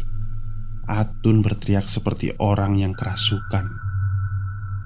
Saat dia dan kedua adiknya hanya bisa melihat Atun yang mencakar-cakar badannya. Tidak hanya itu, ia juga menghantamkan kepalanya ke semua benda di sekelilingnya membuat tetangga berkerumun datang. Mobil carry tua milik Pak Lurah sampai terparkir di depan ibu rumah Ibu Robia. Berniat membawa Atun ke rumah sakit terdekat. Sedangkan orang-orang mencari tahu di mana keberadaan Pak Wanto. Hingga tepat subuh di rumah sakit, Atun meninggal dunia. Suasana rumah Bu Robia ramai orang. Dan seseorang yang paling dicari itu muncul. Pak Wanto pulang dengan mata merah mengawasi. Semua warga tampak geram dengan apa yang Pak Wanto lakukan. Entah apa itu. Saat dia hanya menatap nanar wajah Atun terakhir kalinya Sebelum ia masuk ke liang lahat yang ia tahu, Atun meninggal dengan cara yang tidak wajar. Hanya saat dia yang tahu bahwa sebelum Atun meninggal, ia menyerupai wujud seekor kambing. Di tengah duka itu, saat dia mencuri dengar Pak Wanto dengan seseorang, dan ia kenal siapa orang itu. Bah Safi. Tampak bersih tegang dengan bapaknya. Entah apa yang ia bicarakan Bah Safi hanya mengatakan Wistala Marenono Timbang kabeh anakmu dicupuk nengarap raimu. Dengan wajah tak berdosa Pak Wanto hanya menjawab pelan Duduk urusanmu Pedus gibas Itu kan jenis perewangan sing nuntun awakmu Mbok sartem gak salah. Pancen pantes anak iblismu mati. Mbah Safi pergi Meninggalkan Pak Wanto sendirian. Kematian Atun banyak menimbulkan pertanyaan. Selain itu Banyak warga yang juga melihat gelagat aneh dari Pak Wanto. Namun tidak ada yang berani menegur apalagi bertanya apa yang sedang Pak Wanto lakukan. Lambat laun pasti rumor keluarga Pak Wanto menyebar bagai penyakit. Namun, satu hal yang diingat oleh teman aku, Pak Wanto yang dikenal sebagai warga bermata pencaharian sebagai buruh tani, tiba-tiba menjelma menjadi seseorang yang kaya raya. Tidak tahu dari mana sumber kekayaan itu. Sebegitu kayanya sampai ia mampu membeli tanah yang luas. Tanah yang ia beli adalah tanah di mana kebun jati itu berdiri. Dibangunlah rumah besar dengan dua lantai, lengkap dengan semuanya. Sampai di sini masih tidak ada yang berani mempertanyakan dari mana sumber kekayaan itu. Mulai banyak orang yang membicarakan tentang pesugihan, bersekutu dengan setan, atau melakukan tindakan ilegal lainnya. Akan tetapi, tidak ada yang bisa membuktikan ucapan itu. Satu hal yang membuat warga semakin curiga setiap hari di depan rumahnya terparkir mobil mewah dari berbagai merek. Mobil-mobil itu berjajar di depan rumah Pak Wanto sampai-sampai seperti melihat pemandangan hajatan anak presiden. Dan tidak hanya itu juga, kampung ini menjadi ramai oleh wajah-wajah baru yang selalu berseliweran di depan rumah Pak Wanto. Di sini warga mulai resah dan mulai mencari tahu. Selidik demi selidik, rupanya entah sejak kapan Pak Wanto menjadi tabib yang dapat menyembuhkan berbagai penyakit dengan cara memindahkan penyakitnya ke tubuh binatang. Binatang itu adalah seekor kambing. Kambing ini khusus dan harus sesuai oleh arahan Pak Wanto. Bisa dibilang setiap kambing memiliki ciri khas khusus dan hanya Pak Wanto yang tahu model kambing seperti apa yang harus dibawa oleh mereka yang ingin mencari jalan sembuh lewat jalur yang menurut beberapa orang dipercaya sesat. Dari sini kita akan mulai masuk ke inti ceritanya. Cerita yang dulu sempat bikin aku penasaran dan melihat langsung lokasinya. Ada hal yang menarik semenjak berita kehebatan Pak Wanto ini menyebar. Banyak keanehan yang membuat warga curiga. Salah satunya adalah tidak ada lagi yang pernah melihat Ibu Robiah, Yuni, dan Rina. Padahal kabarnya beliau ada di dalam rumah besar itu yang sekarang dijaga ketat. Hanya anak sulungnya saja yang sering keluar rumah itu. Itu pun tidak ada warga yang berani mendekat. Semuanya ini tidak lepas dari kejadian-kejadian mengerikan setiap kali bersinggungan dengan keluarga Pak Wanto. Kabarnya, barang siapa yang membenci keluarga ini, maka akan mendapatkan sial. Namun, ada satu cerita yang pernah dengar atau sempat menyebar di mana ada warga yang tidak sengaja melihat sesuatu ketika melewati rumah Pak Wanto di malam hari. Di, jelen, di jendelanya, ia melihat Ibu Robiah rambutnya panjang tergerai. Di wajahnya ia tampak memelas minta tolong. Terlepas asli atau tidaknya cerita itu, warga tetap merasa ngeri seperti ada yang ganjil di rumah sebesar itu. Di sinilah baru baru terbuka satu rahasia kecil. Konon ada satu kamar yang tidak boleh dimasuki sembarangan orang. Bahkan pasien-pasien Pak Wanto dilarang masuk ke sana. Mas Safi di usia uzurnya tidak pernah ia berpikir menyaksikan fenomena wungku ireng. Namun, semenjak kejadian itu, berbulan-bulan ia tidak bisa lagi tidur nyenyak di setiap malamnya. Makhluk itu terus dan terus mendatangi mimpinya. Hari ini, pintu rumahnya diketuk oleh seseorang, yaitu Sadia. Awalnya ragu, namun ia melihat tatapan mata kosong yang membuat Mbak Safi akhirnya mempersilahkan masuk anak yang juga lahir dari buah kerja kerasnya dulu. Ada apa nak? Gak biasanya kamu ke sini Saat dia masih diam Menimbang maksud kedatangannya Bah, kata Sadia Ia sudah bertekad membagi ketakutannya pada seseorang yang mungkin tahu Langkah apa yang harus ia perbuat Atas peristiwa yang menimpa keluarganya? Bah, Ibu Ibu jadi gila mbah. Mbah Safi hanya diam. Matanya menerawang jauh. Adik-adikmu gimana? Heran bercampur bingung. Sepertinya Mbah Safi sudah tahu apa yang terjadi di dalam rumahnya. Seharusnya tidak ada yang tahu apa yang sedang terjadi. Mengingat bagaimana si bapak menutup semua akses peristiwa di dalam rumahnya. Rina lumpuh mbah. Saat itulah Wajah tua yang lelah itu akhirnya menangis. Lumpuh bagaimana maksudmu?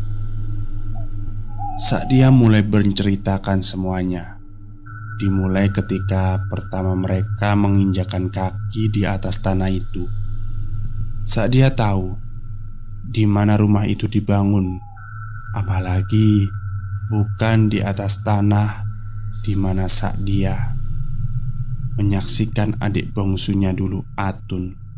Malam itu masih teringat suara marah dan penuh kelakar ibunya agar Pak Wanto menyudahi apa yang sudah ia lakukan. Bukan tidak tahu, namun Bu Robiah sangat memahami apa yang sedang Pak Wanto lakukan, termasuk setiap malam ke mana Pak Wanto berada. Apalagi bila bukan bersekutu dengan mereka. Rupanya bebawan amis yang awalnya Bu Robia tidak tahu itu tercium dari aroma mulut Pak Wanto. Perlahan, kejanggalan itu semakin terungkap manakala Ibu Robiah sampai harus berpuasa dan sholat malam yang konon membawanya untuk menyaksikan suaminya.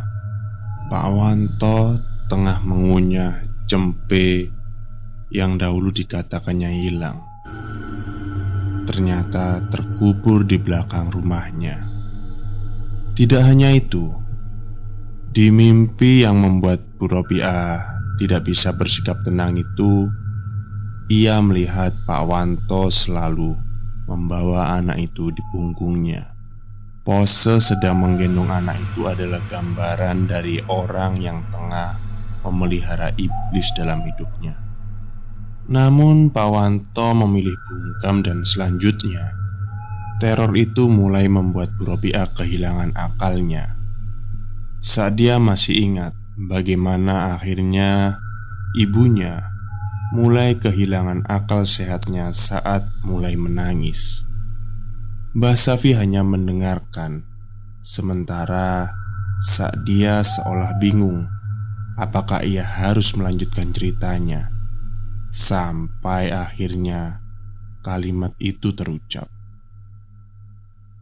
Mari Rina, Yuni sing bakal nampani dosa bapakmu. Baru mari ngono awak mundo Sadia adalah salah satu gadis primadona kampung ini Namun Tidak ada yang menyangka Ia memiliki garis nasib yang sial Meski begitu Ia tahu Mbah Safi masih menyembunyikan banyak hal. Namun Entah apa yang disembunyikannya Sepertinya menyangkut misteri tentang bapaknya. Kulo kudu yok nopo mbah?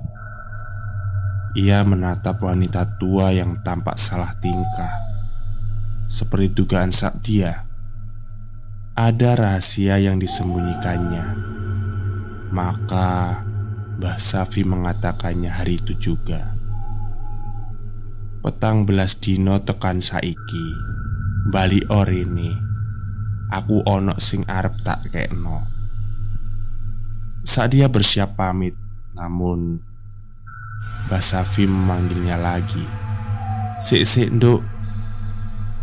Mbak Safi masuk ke dalam kamarnya, kemudian keluar membawa empat helai bunga kamboja.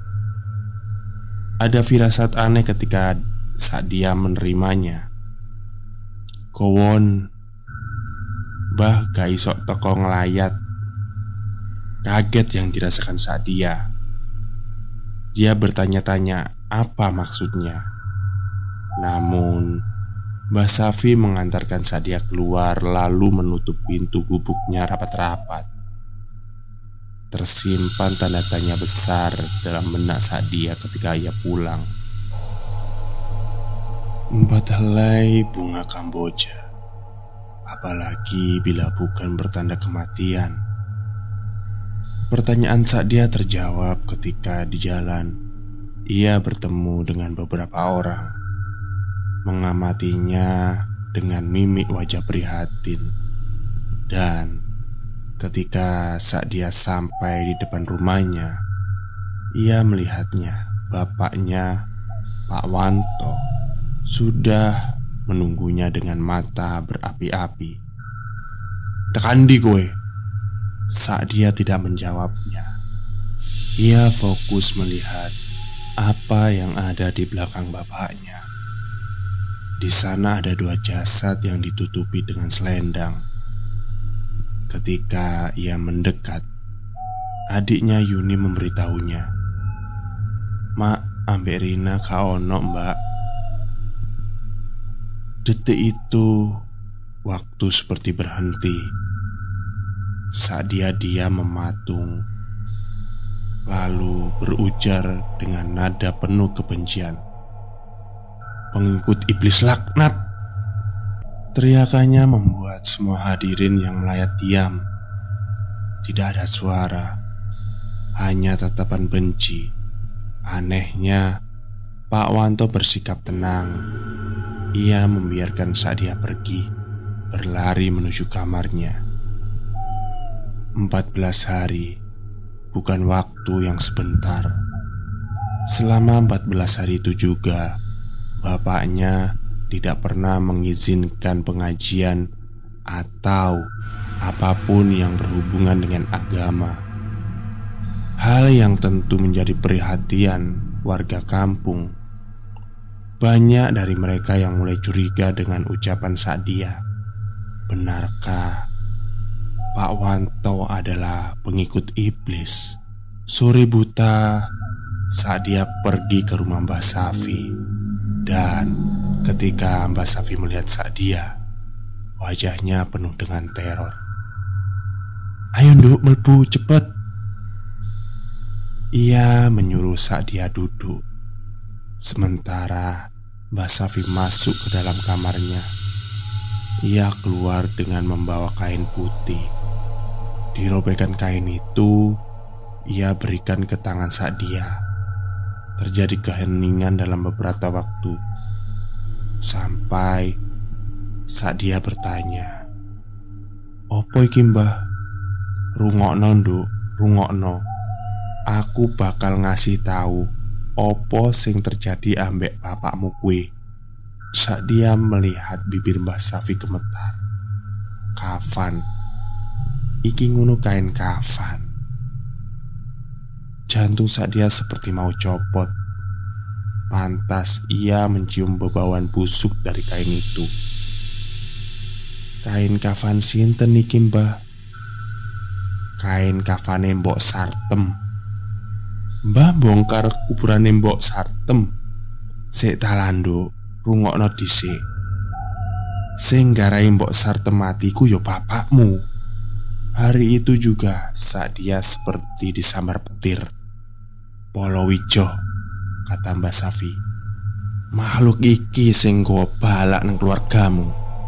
Saiki simpenan kain kafan iki, Nduk. Terus rungokke pesenku. Ojo turuni sore jam rolas yo Opo iku Polowijo mbah? Mbah Safi seperti tidak ingin melanjutkan percakapan ini Ia menenggak kopi hitamnya lalu mulai bercerita Ceritane dawa, Nduk. Tapi awakmu kudu eruh. Polowijo iku wedhus jelma menungso. Biyen ana wong sing lahirno anak gak normal. Awak menungso tapi ndasi wedhus. Ceritane jabang bayi iku dikubur neng kene, desa iki. Tapi ra ono sing eru nggone pastine.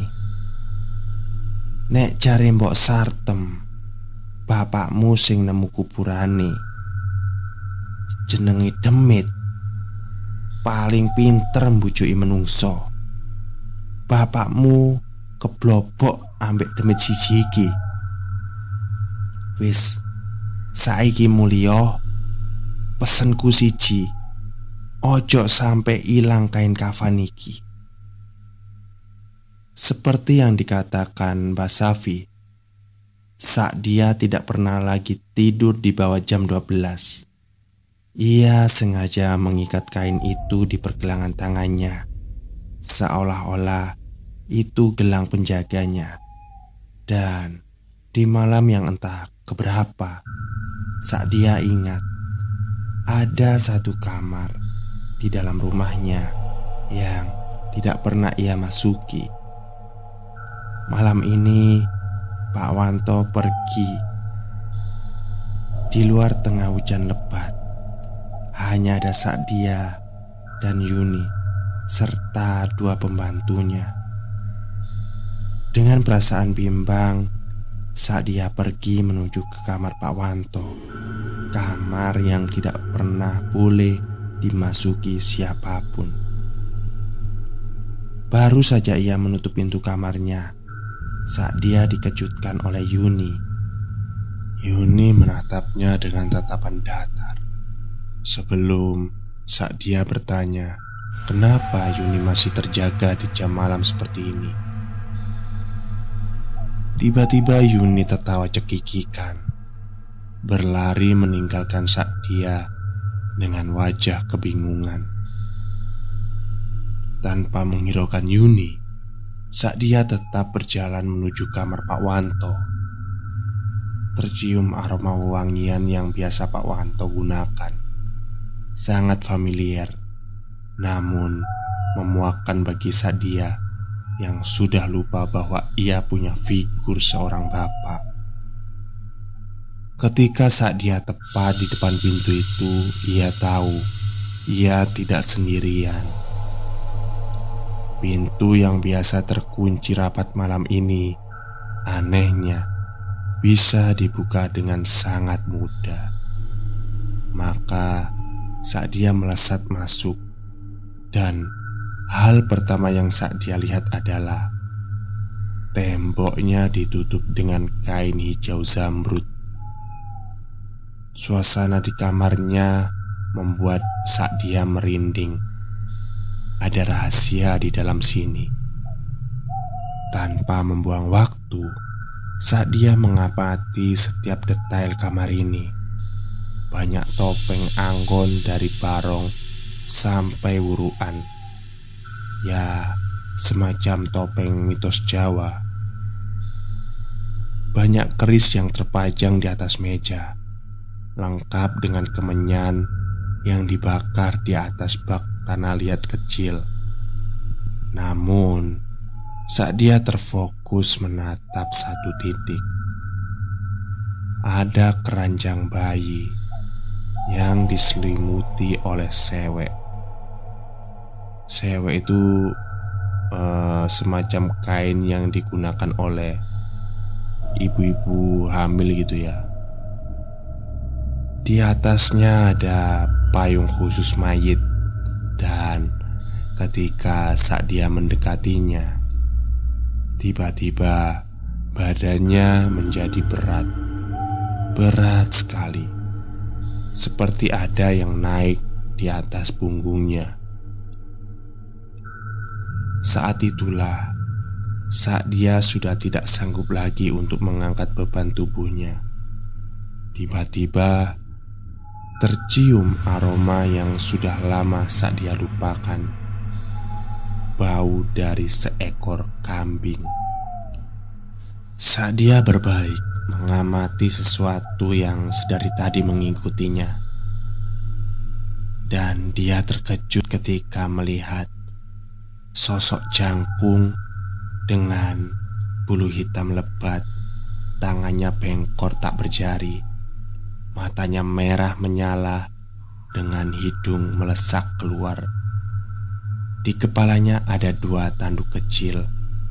Ia berdiri seperti tengah mengamati dia, Dan yang membuat dia takut adalah cara bergerak dari sosok ini seperti penari jaipong dengan kepala miring ke kiri dan ke kanan ketika ia bersiap mencengkram dia.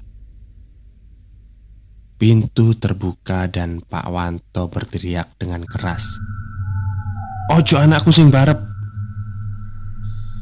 Suaranya bergetar marah dan akhirnya saat dia jatuh pingsan. Saat dia terbangun di dalam kamarnya, masih setengah sadar. Ia mendengar suara yang entah dari mana datangnya, lirih dan seperti putus asa. Sampai saat dia sadar bahwa di hadapannya berdiri pocong tepat di depan wajahnya. Pocong itu adalah Mbok Sartem. Mbok Sartem lah yang sedari tadi berteriak minta tolong. Namun saat dia ketakutan setengah mati, melihat langsung dua makhluk yang wujudnya tidak pernah Sadia bayangkan membuat Sadia sampai berpikir lebih baik ia pingsan lagi.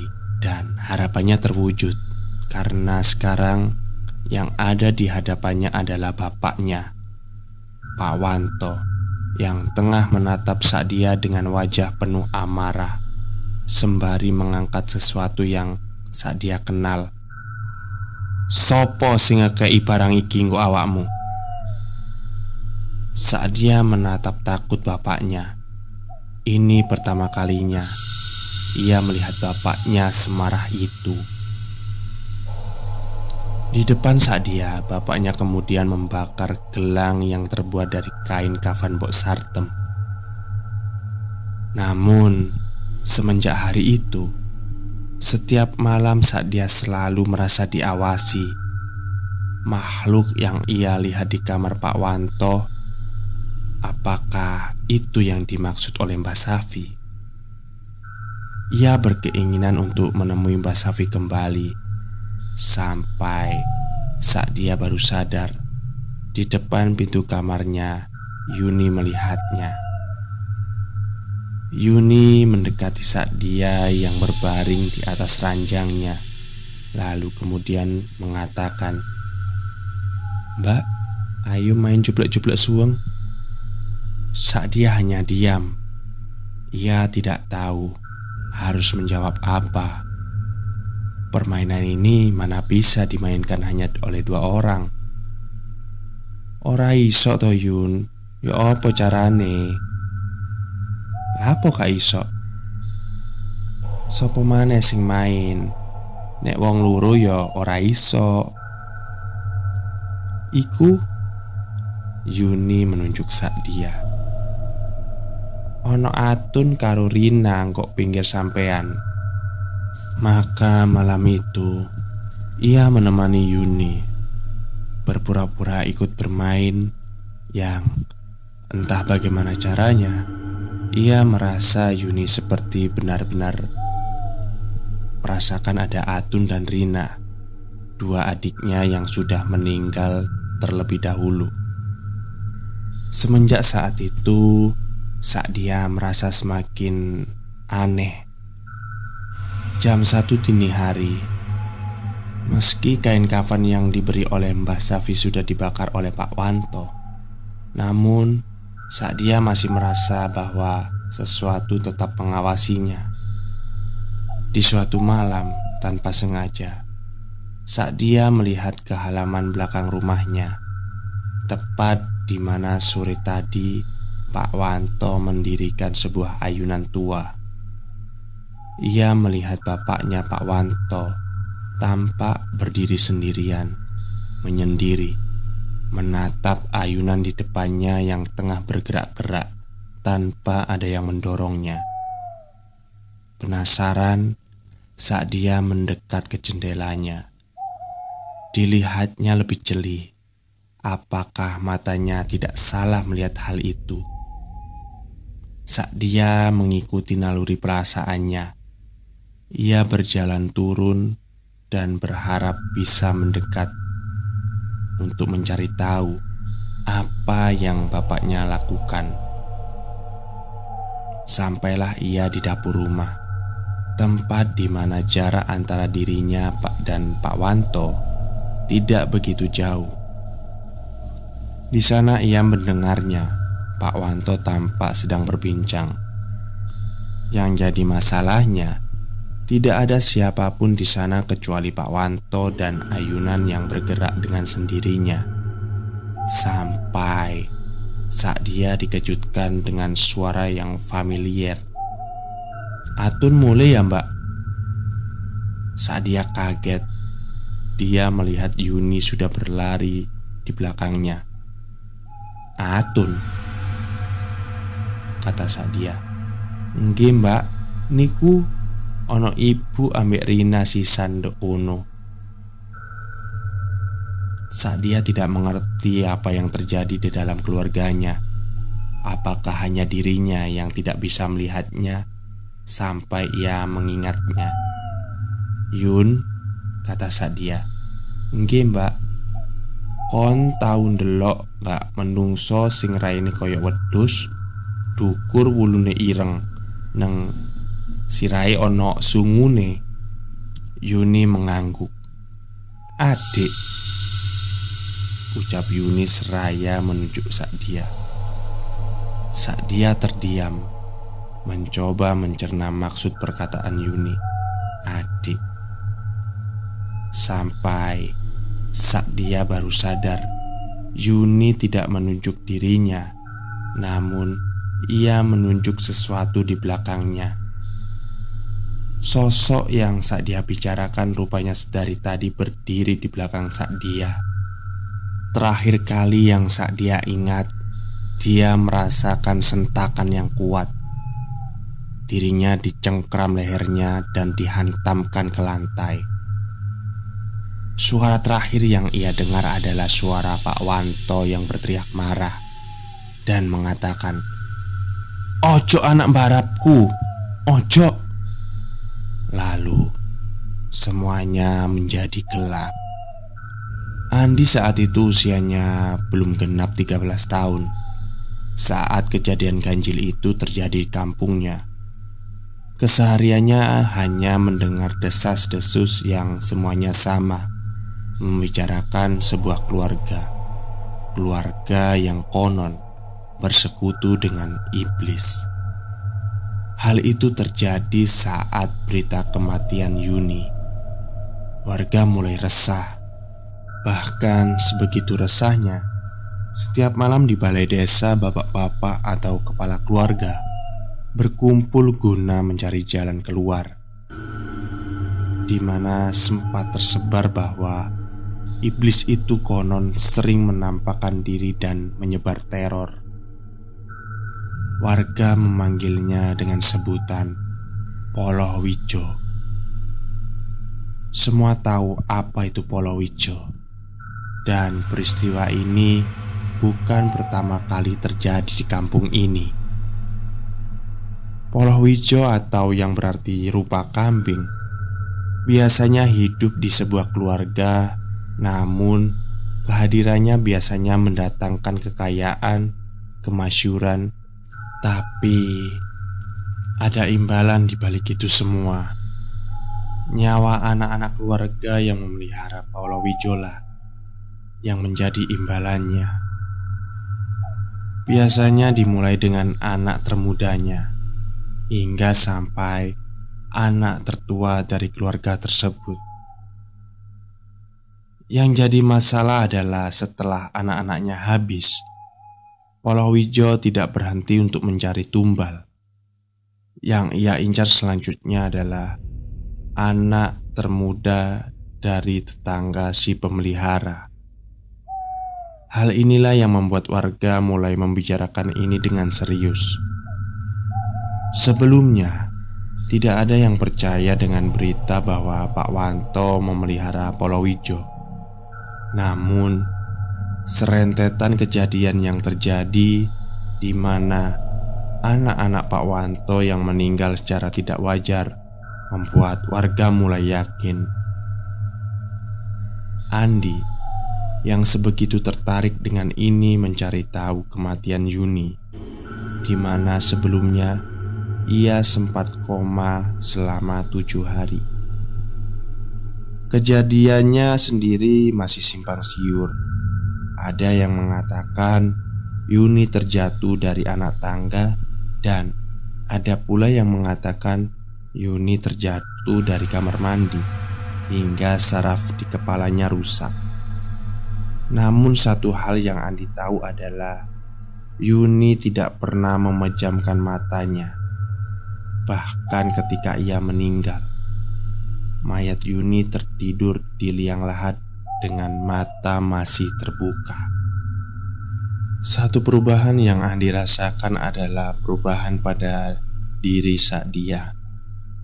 Sakdia yang terkenal ramah dan supel kepada tangganya lebih banyak murung dan bahkan batang hidungnya tidak lagi terlihat berjalan ke kampung-kampung. Kabar terakhir mengatakan saat dia tahu sesuatu. Depresi adalah gambaran yang tepat untuk menjelaskan kondisi saat dia. Setidaknya itu yang Andi dengar dari percakapan ibu dan bapaknya. Di tengah masalah yang entah tiada berujung ini, Andi mendengar sebuah kabar mengejutkan. Apalagi bila kabar tentang meninggalnya seseorang dia meninggal Ditemukan tewas dengan kondisi tergantung di dalam kamar di rumah besar miliknya. Sontak berita itu tidak hanya menghebohkan warga kampung Namun membuat resah bahwa memang ada yang salah dengan keluarga Pak Wanto. Menggerikannya kisah ini adalah Pak Wanto sama sekali tidak menunjukkan ekspresi sedih. Bahkan ada yang pernah melihat Pak Wanto tampak tersenyum ketika melihat jasad anak yang seharusnya menjadi satu-satunya ia jaga, namun harus berakhir dengan kematian yang tragis. Empat kematian yang semuanya menyimpan teka-teki warga kampung, sehingga warga kampung berkeyakinan untuk mengusir Pak Wanto dari desa. Hanya saja warga masih diselimuti rasa takut karena kabarnya Pak Wanto menunjukkan gelagat tidak takut dengan sikap warga. Hal kejadian aneh mulai bermunculan. Salah satunya adalah konon setiap Jam menunjukkan jam 12 malam Terkadang warga melihat seorang wanita melintas di jalanan kampung. Sosoknya menyerupai sosok yang familiar. Saat dia Itulah sosok yang sering dilihat oleh warga. Yang menakutkan dari sosok yang menyerupai Sadia adalah Cara berjalannya Yang seperti cara berjalan orang yang kewalahan menahan kepalanya, seolah-olah kepalanya akan jatuh sewaktu-waktu, dan setiap didekati warga, sosok ini akan menghilang dan meninggalkan suara menangis. Setiap hari muncul cerita-cerita baru yang mengaku bahwa ia melihat Sadia berjalan di depan rumahnya Terkadang saat dia berhenti di depan rumah Seperti memperingatkan Puncaknya adalah ketika di sebuah rumah di mana baru saja lahir bayi kecil saat dia setiap malam datang ke sana. Sosok saat dia akan mengutuk pintu rumahnya dan bila dilihat dari jendela, wajah saat dia akan terlihat di depan rumah berdiri sendirian di tengah kegelapan malam. Namun, ketika pintu itu dibuka, sosok itu lenyap entah ke mana. Hal ini membuat warga bersangkutan ketakutan. Basafila yang pertama memperingatkan agar senantiasa menjaga bayi kecil itu, karena kemunculan saat dia bisa menjadi sebuah pertanda, pertanda yang kemungkinan sangat buruk. Di malam yang entah keberapa, ibu dari bayi kecil itu tidak bisa tidur akibat bayi kecilnya terus-terusan menangis. Si bapak sedang keluar dan tidak ada di rumah. Bayi itu menangis seolah-olah ada sesuatu yang mengganggunya sampai terdengar ketukan. Ketukan itu membuat si ibu kebingungan. Tidaklah mungkin ada tamu malam-malam Awalnya ia mengabaikan ketukan itu Namun semakin lama ketukan itu semakin keras Diliputi rasa takut Si ibu melangkah ke pintu meninggalkan jabang bayi di dalam kamarnya Ketika ia memeriksa siapa yang bertamu malam-malam begini Wajahnya diliputi shock luar biasa Karena yang bertamu adalah Sakdia atau siapa pun yang menyerupai Sakdia. Dia menatapnya dengan tatapan mata mendelik, kemudian menunjuk sesuatu, sebuah arah. Arah yang ditunjuk Sakdia adalah kamar tempat si ibu meninggalkan bayinya. Dengan wajah khawatir dan tergopoh-gopoh, si ibu kembali ke kamar. Namun, yang ia dapati adalah sosok makhluk hitam besar tengah mencengkram jabang bayi dengan tangannya yang dipenuhi bulu hitam. Si ibu berteriak keras, membuat makhluk hitam itu lenyap. Warga pun berkumpul. Suasana saat itu ramai. Warga berbondong-bondong mencari tahu apa yang terjadi. Namun, semuanya terjawab saat melihat ibu dari bayi yang baru lahir itu tengah menangis histeris di depan bayi kecilnya. Bayi kecilnya meninggal dengan kondisi kulit yang sangat pucat dan dingin. Warga yang melihat itu tidak habis pikir sampai ada salah satu warga berseru, "Wanto sing mateni bayi ki." Teriakan itu disaut oleh warga lain Membuat gaduh suasana saat itu Tanpa membuang waktu Warga yang marah Berkerusuk menuju rumah Pak Wanto. Bersenjatakan sajam dan obor Warga berteriak riuh Meneriakan nyawa harus ditebus dengan nyawa. Sebegitu ramai saat itu Andi yang menyaksikan kejadian itu sampai merinding melihat wajah marah warga. Di depan rumah Pak Wanto, warga menjebol pagar besi sembari berteriak-teriak meminta Pak Wanto keluar. Pak penjaga rumah Pak Wanto sampai menyingkir ngeri melihat banyaknya warga yang datang entah dengan tujuan apa. Andi ingat betul Pak Wanto keluar dengan tampang biasa saja. Yang pertama Pak Wanto lakukan adalah bertanya apa yang sedang terjadi. Kenapa para warga bertamu ke rumahnya malam-malam seperti ini? Saat itulah seorang dari warga menceritakan apa yang terjadi. Namun, Pak Wanto tidak membantah sedikit pun ucapan dari warga itu. Sebaliknya Pak Wanto malah menantang warga bahwa tidak ada yang bisa mereka lakukan. Ucapan itu membuat warga semakin gusar. Teriakan kemarahan terdengar di sana sini. Andi menyaksikan kejadian itu di mana Pak Wanto disabit oleh sebilah parang tepat di bahunya oleh seorang warga.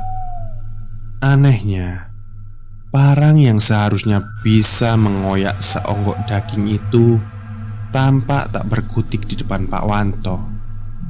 Malah, warga yang menyapitkan parang itu berteriak-teriak seolah sesuatu membuat lengannya menjadi bengkok. Ngeri sekali suasana saat itu.